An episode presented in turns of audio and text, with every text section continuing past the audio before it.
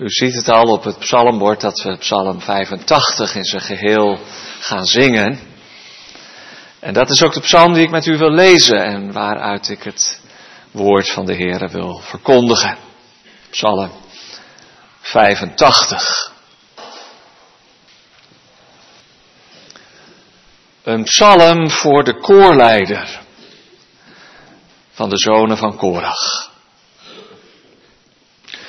U bent uw land goed gezind geweest, heren. U bracht een ommekeer in de gevangenschap van Jacob. De ongerechtigheid van uw volk hebt u weggenomen. U hebt al hun zonden bedekt. U hebt al uw verbolgenheid weggenomen. U hebt zich van uw brandende toren afgewend. Breng ons terug, o God van ons heil. Doe uw toren over ons teniet. Zult u voor eeuwig toornig op ons zijn? Uw toren laten duren van generatie op generatie? Zou u ons niet weer levend maken, zodat uw volk zich in u verblijdt? Toon ons uw goede tierenheid, heren. Geef ons uw heil. Ik zal horen wat God de Heere spreken zal. Want hij zal tot zijn volk en tot zijn gunstelingen van vrede spreken. Maar laten ze niet tot dwaasheid terugkeren. Ja, zijn heil is nabij hen die hem vrezen, zodat er eer in ons land woont. Goedertierenheid en trouw ontmoeten elkaar, gerechtigheid en vrede kussen elkaar. Trouw komt op uit de aarde, gerechtigheid ziet uit de hemel neer. Ook geeft de Heere het goede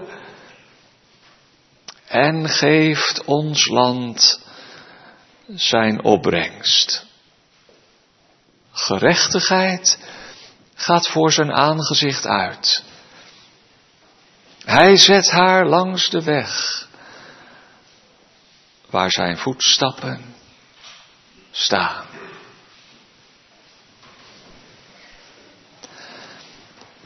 Jongens en meisjes, lopen jullie wel eens op blote voeten? Niet over de straat, denk ik, want dan krijg je zere voeten, maar misschien wel in de tuin of in het gras. Of op het strand, hè? Heb je dat wel eens op het strand als het heel heet is? Nou, dan, dan ren je heel hard op je blote voeten, want dan krijg je hele zere voeten van. Als je op je blote voeten loopt, dan voel je de aarde. Dan voel je het land waar je op staat. Weet u nog van Mozes? Die moest ook zijn schoenen, zijn sandalen uitdoen. En Jozua later? Want de plaats waarop hij stond was heilig. De Heere was daar zo dichtbij. Op je blote voeten, dan voel je de grond. Dan ben je in contact met de aarde. En de aarde is van de Heere. Dat staat ook in onze tekst het uh, tweede vers van Psalm 85. U bent uw land goed gezind geweest, heren. Ja, dat is opvallend dat het land hier het land van God genoemd wordt. Uw land. En vanuit die tekst en vanuit deze psalm willen we daar ook over nadenken. Op deze Israëlzondag. Wat betekent het eigenlijk dat dat stukje land daar aan de Middellandse Zee, een land dat vloeit van melk en honing, dat dat uiteindelijk de Heere toebehoort. Het land is zijn land. Heilige grond. Geliefden in de Heere Jezus Christus. Uit deze psalm spreekt in de eerste plaats, en ik wil drie, drie grondtonen van de psalm met u bespreken. In de eerste plaats verwondering. Daar begint het eigenlijk mee. U bent uw land goed gezind geweest, heren. Herkennen we die verwondering? Bij het zingen van de psalmen, bij het overdenken van wat God gedaan heeft voor Israël, zijn volk, of in ons eigen leven. Mooi als je met verwondering en met vreugde over wat God gedaan heeft mag zingen. Er zijn ook andere psalmen, maar als je deze psalm zou willen indelen, dan zou je zeggen het is een lofpsalm. Een psalm waarin de vreugde doorklinkt. Daar begint het mee. En daar eindigt het ook mee. Met een zeker enthousiasme. Dat is niet het enige. Er zijn ook andere elementen. Maar het is wel waar de psalm mee begint. Verwondering dat God zo goed is. Goedgunstig staat er eigenlijk. Dat betekent zoveel als aangenomen. Hij neemt het aan. Hij neemt ook ons aan als we tot Hem komen. Je mag komen zoals je bent. Je bent welkom. Hartelijk welkom bij God. En dat is iets uh, waar je alleen maar verwonderd over kan zijn. En ik denk wel eens gemeente, als die verwondering weg hebt, dan raken we alles kwijt. Als er geen verwondering is in onze eredienst, maar ook in onze verhouding met God, dat is het begin van de secularisatie. Dan kun je het nog best lang volhouden met naar de kerk gaan en Bijbel lezen en bidden voor jezelf. En de uiterlijke godsdienst verdwijnt niet zomaar. Maar als er geen verwondering meer in zit, dan lopen we wel een risico. Dan is het vanzelfsprekend geworden. Het is geen wonder meer. Je mag komen zoals je bent. Je bent hartelijk welkom. Maar nou is het verrassend dat er niet staat, u bent uw volk goedgezind geweest. Dat zou je eigenlijk verwachten. Het gaat ook in het volgende vers over Jacob en de gevangenschap van Jacob, die God heeft omgekeerd. Dus waarschijnlijk, hè, dat dat niet helemaal zeker is, deze psalm geschreven na de terugkeer uit de ballingschap. Het volk van Israël mocht weer terug naar Jeruzalem, naar het beloofde land. En ze waren dankbaar. U bent uw volk goedgezind geweest. We zijn welkom bij u. Nee, er staat, u bent uw land goedgezind geweest. God heeft dus een bijzondere band met dat land. Dat viel me op in deze psalm en daarom wilde ik er ook op de Israëlzondag over preken. Want er is best heel veel te doen om dat land. Het beloofde land. En ik ga niet al die politieke en ingewikkelde vragen beantwoorden, niet eens bespreken. Maar u voelt wel aan ja, dat alle problemen die er rond Israël zijn, niet te maken hebben met Israël in de verstrooiing. Het is het wonder van God dat het volk de eeuwen door bewaard gebleven is. Een teken van zijn trouw. Dat kan toch niet missen. Ik denk wel eens Israël en dat Israël als volk nog bestaat. Dat, dat is een van de beste godsbewijzen. Een bewijs dat wat God in zijn woord beloofd heeft, dat hij dat ook doen zal. Al die andere volken, heb je wel eens gehoord van de Filistijnen? Of van de Ammonieten, of van die andere volken die in de Bijbel genoemd worden. Nou ja, de Egyptenaren zijn er nog wel, Egypte is nog een land, maar, maar de meeste van die volken zijn er niet meer. Maar, maar Israël is door de Heer bewaard, als volk. Maar toen na de verschrikkingen van de Tweede Wereldoorlog Israël ook weer terugkeerde naar het land. En dat was daarvoor natuurlijk ook al met het Sionisme, maar toen Israël weer een staat werd, ja, toen ontstond er ook oorlog En spanning die voortduurt tot op de dag van vandaag. Van wie is dat land nu eigenlijk? En het Palestijnse volk, wat daar ook woont, op de westelijke Jordaan-oever en in de Gazastrook. We zien af en toe de beelden als de spanningen weer oplaaien. Ja, woont ook in dat land. En trouwens ook in Israël zelf, buiten die gebieden die ik noemde, wonen best veel Arabieren die ook in Israël gewoon stemrecht hebben. Al zijn ze natuurlijk wel een minderheid. Maar van wie is nou dat land? Behoort het Israël toe? En moeten we zeggen, ja, dat heeft de Heer aan zijn volk beloofd. En dat is dan jammer voor de andere volken die daar wonen. Die moeten zich daar maar in schikken. Of kun je die belofte uit het Oude Testament niet zomaar doortrekken naar de staat Israël en de politiek van na de Tweede Wereldoorlog? Dat zijn best hele grote vragen. Of moeten we het land dan maar verdelen in een twee-staten-oplossing? Zodat ook het Palestijnse volk een eigen land heeft op dat beloofde land. Nou ja, wat de grenzen precies zijn, het over Jordaanse, en daar kun je natuurlijk over discussiëren, hoe groot moet dat beloofde land dan zijn? Maar het is juist het land en de landbelofte die, als het om Israël gaat, veel spanning oproept. En nogmaals, het is niet de plek, vind ik, vanaf de preekstoel om daar heel diep op in te gaan. Maar ik noem het wel even op deze Israëlzondag. En nou zegt de psalm, en het staat niet alleen hier hoor, het staat ook op andere plaatsen in de Bijbel. Het land, dat is van de Heere. U bent uw land goed gezind geweest. Dat gaat eigenlijk terug op de wetgeving, met name in Leviticus 25.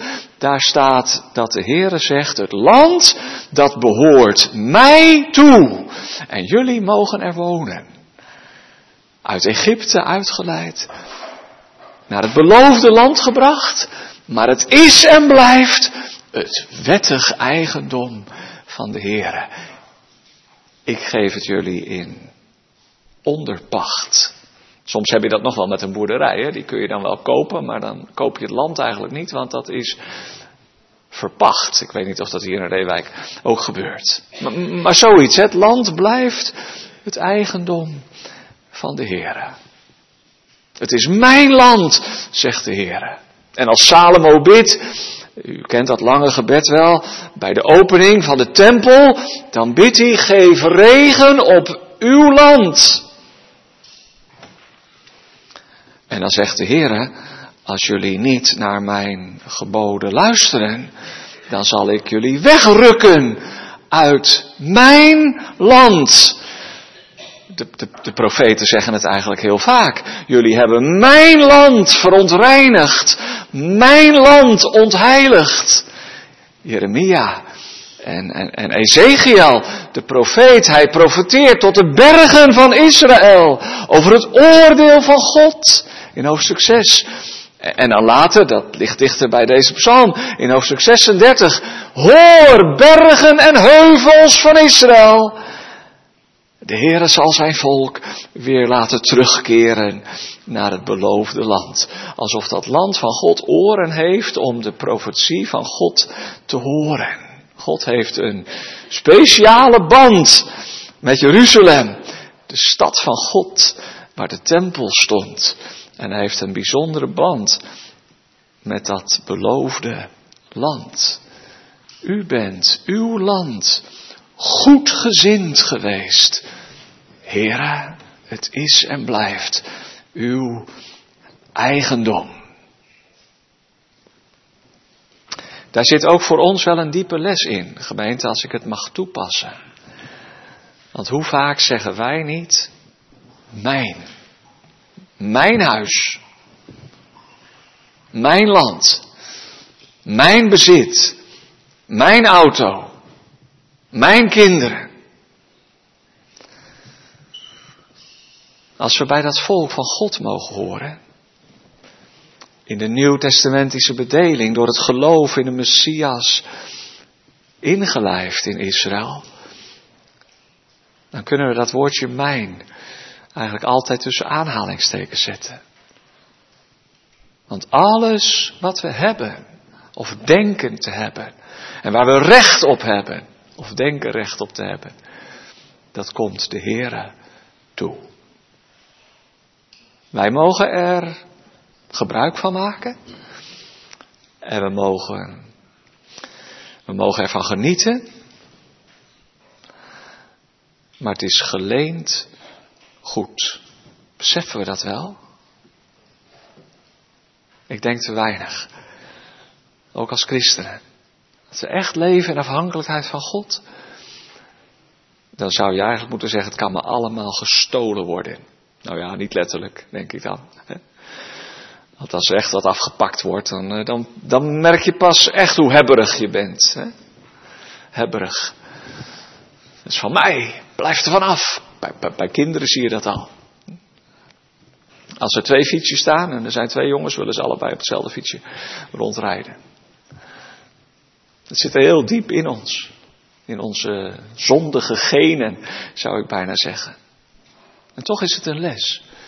U bent uw land goed gezind geweest, heren. We zijn pelgrims. We zijn vreemdelingen en bijwoners bij Hem. We hebben nergens recht op. Het is allemaal genade. Wat hebt u, zegt Paulus, wat u niet hebt ontvangen? En het antwoord is helemaal niks. Het is allemaal genade. En daar zijn we erg voor, voor de genade. Maar het heeft ook een praktische consequentie als het gaat om onze bezittingen. Het is geleend goed. Als je met je blote voeten op de aarde staat, dan weet je dat het waar is. De aarde is van de Heere en haar volheid, de wereld en die daarin wonen. Een diep besef van afhankelijkheid van God maakt ons ook vrij van al die bezittingen. Want het kan ook heel bevrijdend zijn als je er wat van los mag komen en niet zo aan vastzit. En zei, Heere, ik ben van u en alles wat ik heb, dat komt u toe. Verwondering. Maar er zit in de psalm ook wel een ondertoon van bezorgdheid. Eigenlijk is het vreemd. Misschien hebt u het bij het voorlezen gemerkt. De eerste drie versen, twee tot en met vier, zijn een soort danklied voor de terugkeer naar het beloofde land. En de vergeving die daarbij hoort. De ongerechtigheid van uw volk hebt u weggenomen. De zonde bedekt. Uw toren, uw verbolgenheid. Uw brandende toren. Daar hebt u zich van afgewend. Verwondering. Maar dan staat er in vers 5 opeens, breng ons terug, o God van ons heil. Dat is toch een beetje raar. Als je al teruggebracht bent en je dankt daarvoor eh, dat de ballingschap voorbij is, en dan ga je toch nog bidden, breng ons terug. Waren ze dan nog niet allemaal terug? Doe uw toren over ons teniet. Is de hitte van Gods gramschap dan niet geblust, zoals we gezongen hebben? Ja, dus klinkt zelfs een klacht in door. Zult u voor altijd boos blijven op ons? Toornig zijn? Van generatie op generatie? Wat een vreemde psalm eigenlijk met die wending. Er zitten trouwens heel veel wendingen in. Eigenlijk speelt de psalm een beetje met het werkwoord omkeren. Het staat er vijf keer. In vers 2 is God omgekeerd. U bracht een ommekeer in de gevangenschap van Jacob. En dan even verder in vers 4. Ik zei het net al. Breng ons terug. Letterlijk staat er keer ons om. En dan weer even later in vers 5.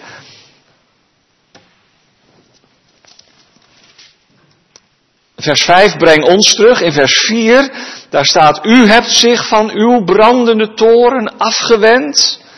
Vers 5, breng ons terug. En dan even later in vers 7 en vers 9 staat het nog een keer. Zou u ons niet opnieuw wederom levend maken, opdat uw volk niet tot dwaasheid zou terugkeren? Nou, dat werkwoord komt elke keer weer terug en het wordt hier wel wat verschillend vertaald. Omkeren en nog een keer omkeren en God die zich omkeert. En het gebed laat ons niet terugkeren, vervallen tot zonde en dwaasheid. Wat is nou die bezorgdheid van deze psalm? De, de, dichter is bang dat het weer mis zal gaan met zijn volk. Ja, het is heel mooi dat God aan zijn volk gedacht heeft, aan zijn land gedacht heeft en zijn volk weer teruggebracht. Maar voordat je het weet, van generatie op generatie, gaat het weer de verkeerde kant op. Het is alsof hij bidt, indringend en aanhoudend. Heere God, houd ons vast. Breng ons terug. Laat ons niet weer omkeren tot dwaasheid. Want dan gaat het weer dan gaat het weer mis. Waar denkt de psalm aan als het gaat om Gods land, het beloofde land, en de zonde van het volk Israël die aanleiding gegeven hebben tot de ballingschap? Nou, dan zou je drie dingen kunnen noemen die met name genoemd worden in het Oude Testament in verband met dat land van God. Het eerste, dat zijn de zonden van de Canaanieten. Die door God verdreven zijn, aan wie God het oordeel voltrokken heeft door middel van zijn volk. En dat waren allerlei liederlijke uitspattingen, met name op het gebied van de seksualiteit. Als Israël, zo waarschuwt de Heer zijn volk, hetzelfde gaat doen als de heidenen die daar gewoond hebben. Als ze zich gaan vermengen met de heidenen en met de afgoden mee gaan doen, dan zal het land zijn inwoners uitspuwen. Het zijn heftige beelden. Denk er maar aan, jongens en meisjes, als jullie moeten overgeven, hè, als je misselijk bent of ziek. Bah. Dan komt alles eruit. Nou, dat beeld gebruikt de Bijbel, dat beeld gebruikt de Heere God als het om de zonde gaat. Dat het land zijn inwoners overgeeft, uitkotst, als ik het zo mag zeggen, uitspuwt. Ja, dat zijn heftige beelden. Het gaat in deze psalm ook over de toren van God die het niet kan verdragen als zijn land, het land dat hij lief heeft, ontheiligd wordt. En zo is het misgegaan met Israël. En met de vermenging met de heidenen en de afgodendiensten en alle rituelen en seksuele uitspattingen die daarbij hoorden. God kon er niet langer tegen. Hij had ze gewaarschuwd, keer op keer. Maar toen was het over en uit. Het was genoeg. En toen heeft het land, zijn volk, toen heeft Gods land, Gods volk uitgespuwd in de ballingschap. Heftig. Maar er zijn ook andere elementen die hier meeklinken. Je zou ook kunnen denken aan de vreemdelingen in het land. Die worden zo vaak genoemd in het woord van God, ook in de wet van God, de vreemdeling die binnen uw poorten is, waar Israël gastvrij voor moet zijn en Israël welkom moet heten, juist omdat ze zelf slaven geweest zijn in Egypte. En juist omdat ze beseffen dat land is niet van ons, maar van de Heer, is er ook altijd plaats voor de verdrukte en voor de vluchteling en voor de vreemdeling in het beloofde land. Het besef dat het land van God is, leidt tot een gastvrije houding in Israël. Je bent welkom. omdat wij welkom zijn bij God. Is dat ook niet voor ons een spiegel? Met die uitspattingen zal het misschien nog wel meevallen. En met de afgodendienst ook. Hoewel, als je dat toepast, er zijn ook allerlei afgoden vandaag de dag. Maar als we echt beseffen dat alles van de Heere is, moet het dan ons ook niet mild maken voor mensen die het veel moeilijker hebben dan wij. En nou weet ik wel, en ook dat moet niet uitvoerig op de kansel, maar ik wil het wel even noemen, dat wij in een klein en zeer dicht bevolkt land wonen. En als wij zouden zeggen, iedereen die het ergens ter wereld moeilijker heeft dan wij, mag gerust hier in Nederland komen wonen, want er is nog plek zat op de Veluwe. Eh, dan ben ik maar even een beetje nuchter. Ja, dan zullen ze met miljoenen binnenstromen en dat is ook niet te handhaven. Dus je hebt ook altijd de politieke realiteit. Hoe ga je daarmee om? Met barmhartigheid voor de vluchteling en de vreemdeling. En rechtvaardigheid en goed bestuur. En toch, hoewel dat waar is, en ik ook de sentimenten van jonge mensen die ook op zoek zijn naar een huis wel kan begrijpen, wat is de grondhouding, ook van een christen, als het gaat om gastvrijheid? Als het gaat om de vreemdeling die binnen onze poorten is. Als we echt leven uit genade. Uw land, uw huis, uw auto, dat is niet van mij. Zal dat dan ook niet onze houding stempelen? Tegenover onze naasten in nood.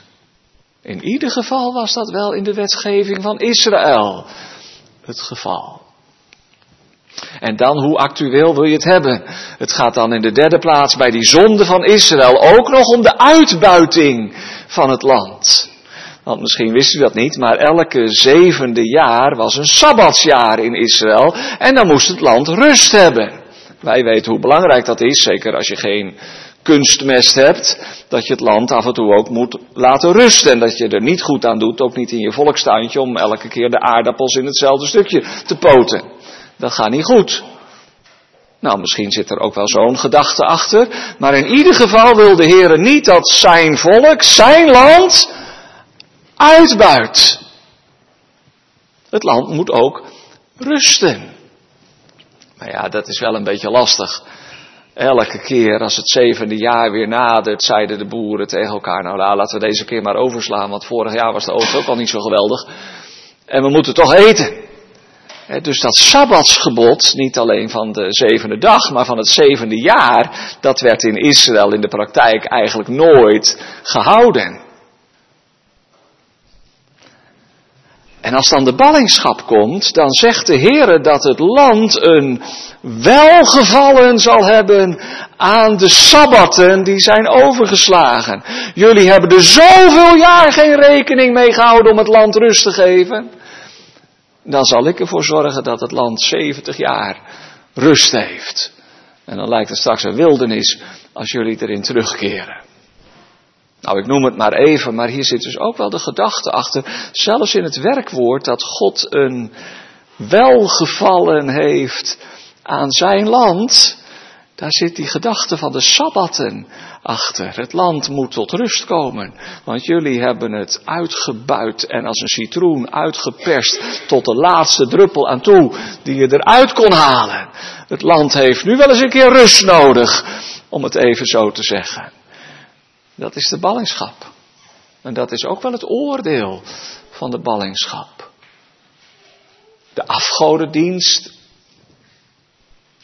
en de vreemdeling die niet welkom was. Maar ook het land zelf. Zijn we er een beetje zuinig op? Want de aarde is van de Heer en haar volheid. Nee, ik zeg niet dat u er goed aan doet om op de A12 te gaan zitten in, Den Haag. Dat is wel weer een andere uiterste. En soms denken die mensen zijn fanatiek, alsof het om een godsdienst gaat. U kunt daar best ook wel kritisch op zijn. Maar is het ook niet een spiegel voor ons allemaal? Dat we als christenen zouden zeggen, ja, maar dat weten we toch eigenlijk al heel lang. Dat we niet op deze manier voort kunnen gaan met het uitbuiten van Gods aarde. Dat zouden we wel moeten weten. Want het land, dat is van Hem. En als dat zo is, dan moeten we er ook wel zuinig op zijn. En als we dat niet zijn, dat was in Israël al zo, tweeënhalfduizend jaar geleden. En dat is nu nog zo.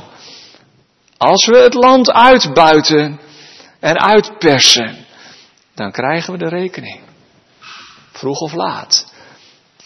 En dat lijkt nu wel aan de hand te zijn. Het gaat zo niet langer. Is dat een oordeel van God? En, en hoe zit het met al die klimaatvragen? Ook die laat ik rusten. Maar de grondhouding. Het is uw land. En het heeft ook rust nodig. Nou, kortom, dat is de achtergrond van deze psalm en van de werkwoorden die hier gebruikt worden. Ik kom terug bij de grondtoon van de, van de zorg. Elke keer is het weer misgegaan in Israël. En nu zijn we wel terug in het beloofde land, maar dat is toch een kwetsbare positie. Een aangevochten positie. Heren, de hitte van uw toren is geblust.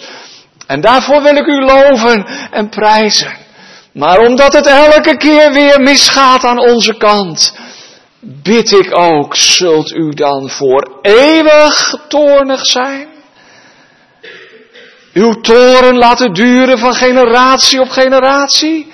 Zou u ons niet weer levend maken, zodat uw volk zich in u verblijdt? Dat verlangen, de zorg, het verlangen naar de genade van God. Je zou het ook zo kunnen toepassen, meer persoonlijk. En vergeet dan maar even de uitbuiting en de vreemdeling. Dat zijn ook, uh, dat zijn ook legitieme toepassingen van de Bijbel. Maar er kan ook iets in zitten van de angst en de zorg. En voor jezelf en voor de volgende generaties. Als je weet hoe zwak je bent, ook in het geloof. Hera, houd ons vast. Breng ons terug bij u. Want als het aan ons ligt en als u het aan ons overlaat, dan gaat het geheid weer mis. Wij kunnen het niet in eigen kracht. De genade van God en de vergeving van de zonden maakt ons sensitief, gevoelig voor onze eigen zwakheid. En zo klinkt er in deze psalm een gebroken toon door. Zult u ons niet weer levend maken? En een zorg. Laat uw volk niet weer tot dwaasheid terugkeren. Want dat is al zo vaak gebeurd. Zelfkennis maakt ons voorzichtig en gevoelig voor de macht van de zonde. En ook dat klinkt door in deze psalm. Verwondering over Gods genade. Bezorgdheid als het gaat om onze zonde. En dan het laatste wat in de psalm doorklinkt. Ook vanuit dat beloofde land. Er klinkt ook heimwee en verlangen in door. Want als je doorleest naar de laatste versen, dan zie je dat Gods land ook ons land wordt. In vers 10 is dat al zo, opdat er eer in ons land woont. En ook in het ene laatste vers. Ook geeft de Heer het goede en geeft ons land zijn opbrengst.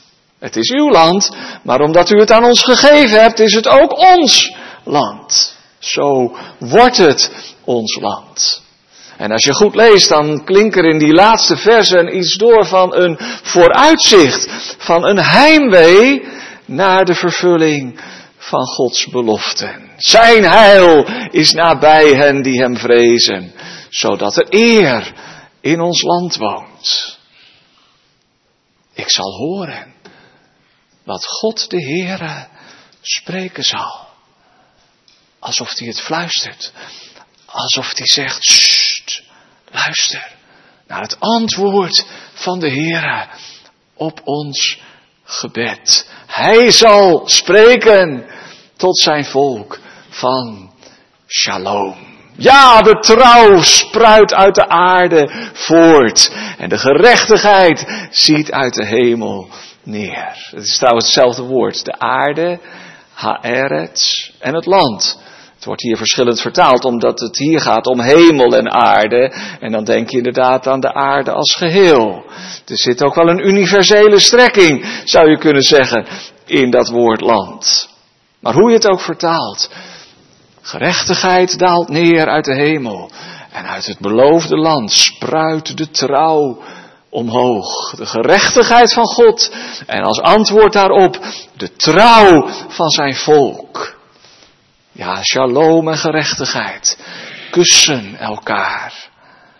En het land bloeit op en het is vruchtbaar, want de Heere geeft zijn zegen. Hij komt eraan. Hoor zijn voetstappen, ze naderen. En hij baant een weg voor zijn voetstappen door zijn gerechtigheid die voor zijn aangezicht uitgaat. En zo eindigt de psalm met een messiaans verlangen. Een verlangen naar de komst van Gods koninkrijk. Een verlangen naar de nieuwe hemel en de nieuwe aarde waarop gerechtigheid wonen zal. De gerechtigheid die uit de hemel op de aarde neerdaalt. Hoe kwetsbaar het ook is en hoe vaak het volk zich ook van God heeft afgekeerd. Onverbeterlijk. Steeds weer en steeds weer. Breng ons terug, heren. Er komt een dag dat dat gebed niet meer nodig zal zijn, maar in vervulling zal gaan als de Messias komt. En daarom dacht ik ook wel, dat kun je bij elke psalm natuurlijk wel bedenken. Hoe zal de Heer Jezus deze psalm gelezen en gezongen hebben? Het gaat niet echt over hem, misschien behalve het laatste vers. Het is geen messiaanse psalm, zoals de psalmen waarin over zijn lijden gezongen wordt of over zijn koninkrijk. Maar elke psalm is ook een psalm van Jezus. Jezus die wist wat hem te wachten stond. Toen hij tegen zijn discipelen tot drie keer toe zei dat de zoon des mensen zou worden overgeleverd om gekruisigd te worden. Hij wist het, de ongerechtigheid van uw volk hebt u weggenomen. U hebt al hun zonden bedekt. Maar Jezus wist ook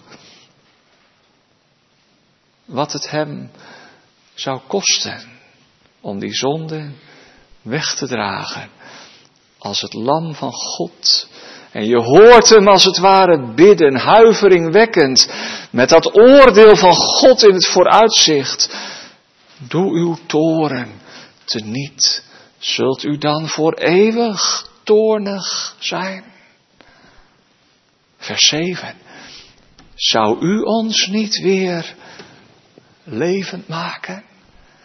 zodat uw volk zich in u verbreidt. Maar op de derde dag, zei Jezus, zal hij worden opgewekt uit de doden. Zijn discipelen hoorden het maar half, want ze dachten, dachten dat gaat toch niet gebeuren. Hij is koning van Israël, hij is te somber, hij is te negatief. Ze hoorden het maar half aan. Maar Jezus had het wel gezegd dat hij op de derde dag weer op zou staan uit de doden. En heeft hij dat geloof en de moed om het kruis te dragen en het oordeel en de toren van God weg te nemen? Heeft hij dat ook niet geput uit de psalmen? Uit de trouw van God dwars door alles heen. door de dood heen. Ja, ook uit deze psalm met het gebed. Heere, maak mij dan weer levend naar uw woord. Het is ook een psalm van de Heer Jezus. Het beloofde land, dat is het land waar het kruis gestaan heeft. Waar het bloed van de Verlosser op de aarde gedruppeld heeft. Waar de verzoening heeft plaatsgevonden. Dat is het land waar hij uit Jeruzalem uitgespuwd werd, omdat er geen plaats voor hem was in de heilige stad. En waar hij hing tussen hemel en aarde om de toren van God te stillen. De hitte van uw gramschap is geblust.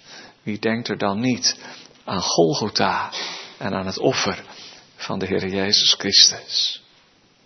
Maar ook dat de trouw uit de aarde, uit het land, omhoog spruit. En dat de gerechtigheid van God uit de hemel neerdaalt.